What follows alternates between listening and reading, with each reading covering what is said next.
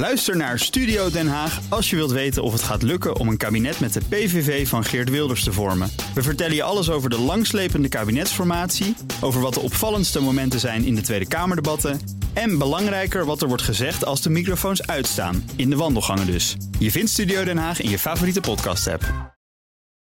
Auto-update. Toet toet, autonieuws met Nout Broekhoff van de Nationale Autoshow. Nout, goedemorgen. Hi. Het Nederlands Wagenpark viert een eh, nieuwe mijlpaal. Ja, ja, ons eh, land telt voor het eerst eh, 300.000 volledig elektrische auto's. ja, ja, ja, ja. Je is hoort niet het. voor iedereen een feestje hoor. Wacht wel Nou, dus, niet dus iedereen, van nee. de 9 miljoen die er, eh, uit mijn hoofd die er rondrijden. Ja, dat Auto's. is dus eh, Schiet een marktaandeel van eh, 3,3 procent. Ja. je moet ergens beginnen natuurlijk. Ja, maar wel een verdriedubbeling ten opzichte van 2020. Hè? Ja. Ja, dat dat wilde ik ook nog even zeggen. Ja, ja inderdaad, dat, klopt inderdaad. Maar ja, het heeft wel veel te maken met eh, eh, subsidies en eh bijtellingkorting. En dat wordt natuurlijk afgebouwd de komende jaren. Dus ik ben benieuwd of eh, dit nog heel veel gaat stijgen. Ja, we zijn benieuwd. Eh, Vandaag is natuurlijk de In, eh, in Zandvoort. Daar zijn wij bij, daar zullen we ongetwijfeld meer erover horen. Als het aan de Tweede Kamer ligt, is de Westerschelde-tunnel uiterlijk 2025 tolvrij. Hè, hè? Ja, hoe lang eh, praten we hier al over? Ehm, Nou, sinds ongeveer de start van die tunnel in 2003, denk ik. Dat zou zomaar kunnen. Uiterlijk 2025 staat er, liefst dus eerder. Ehm, maar dat kost natuurlijk wel geld om die Westerschelde-tunnel tolvrij te maken. Tientallen miljoenen. Eh, dekking eh, moet worden gevonden in het Nationaal Groeifonds... en een redelijke bijdrage van de provincie Zeeland.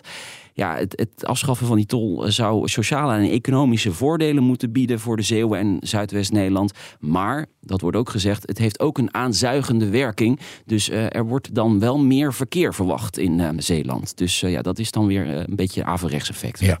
Elk voordeel heeft zijn nadeel, Ja. zullen we maar zeggen. Tesla moet een flink aantal auto's terugroepen in Amerika. Wat Ja. is er aan de hand? Ja, terugroepactie zoveel. Dus ik ben eigenlijk op dat gebied ook alweer de tel kwijt. Het gaat om bijna 1,1 miljoen auto's. Oh, dat is best behoorlijk. Ja, er is een probleem met elektrische ramen. De beveiliging van de autoruiten tegen beklemming werkt niet goed. Oké, dat is genoeg. dus als, als een van je kinderen bijvoorbeeld eh, zijn handjes tussen het raam steekt en je doet hem net dicht, dan gaat hij door, dan stopt hij niet. Nou, in principe moeten dan die eh, ruiten automatisch omlaag gaan als hij Ja. dat detecteert. Maar ja, bij sommige Tesla's is die detectie dus niet goed. Zijn op, wat eh, vingers verloren gegaan. Eh, nee, periode. voor zover bekend zijn er nog geen mensen gewond geraakt. Ook zijn er geen ongelukken mee gebeurd. Eh, maar de oplossing van het probleem is een eh, simpele software-update. Dus die gaan ze Oh, uitrollen. Nou, goed dat ze dat doen dus. Ja. Eh, Toyota opent de aanval op Tesla met een nieuw model. Ja, de, de BZ3, een, eh, een sedan, een Tesla Model eh, 3 killer, eh, zo wordt hij ook wel omschreven.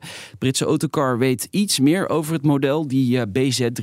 Die komt in eerste instantie in China op de markt binnenkort, maar het is niet uitgesloten dat de auto, dus die BZ3, later ook naar Europa komt. Het gebeurt mogelijk in 2024. Het is een van de vele elektrische auto's die eh, Toyota op de markt gaat brengen. Momenteel leveren ze nog alleen de SUV, de BZ4X. Hoewel, ze leveren die eh, nog niet. Ze hebben die gelijk moeten terugroepen nadat ze een aantal duizend van die auto's hadden afgeleverd. Ja. Want er waren problemen met wielen. beetje, is het ook een beetje de, de elektrische opvolger van de BZR? Nou, nee. Oh. Eh, dat, dat is meer, dat is echt een, een, een sportauto. volgens Ja, mij. nou ja, ja, sportieve sedan. ja, nee, Ja. dit is echt een sedan. Ja, Ja, dus dan vind ik niks. De SUV-model, die zie ik ook Oké, hier, vind ik wel goed. mooi. Renault geeft zijn medewerkers koopkrachtcompensatie. Ja. Ze, ze, ze moeten, de auto's moeten voor de medewerkers zelf wel bereikbaar blijven. Dat, eh, dat blijkt ja. Een groot Ja. aantal medewerkers krijgt netto 1000 euro om de gestegen kosten te compenseren, meldt eh, Reuters. Ja, vind ik wel echt een mooi gebaar. Maar het gaat Renault natuurlijk wel geld kosten. Ehm, bij het automerk werken meer dan 150.000 mensen. Dus ja, reken maar uit. Minimaal 150 miljoen moeten ze hier aan uitgeven om eh, hun, hun medewerkers te compenseren. Oké, dan een, een vrouwelijke Formule 1-coureur. Het gaat dan misschien toch gebeuren? Ja, Aniek de Vries in plaats van Niek de Vries? ja goeie. Aniek Nee, van der Leeuw. Ja, ja, die weet. zou wel willen. Ja, dat denk Ja. ik ook. Ehm, als het aan de Britse Jamie Chadwick ligt, wel. eh, ze is ervan overtuigd dat ze binnen vijf jaar de eerste vrouw sinds tijden in de Formule 1 zal zijn. Dat heeft ze in een Zoom-call tegen journalisten gezegd. Ze reageert hiermee op uitspraken van Formule 1-baas Stefano Domenicali. Hè. Die deed namelijk een paar pittige uitspraken dat ehm, ja, ze, hij in ieder geval niet uh, vrouwen snel in de Formule 1 ziet.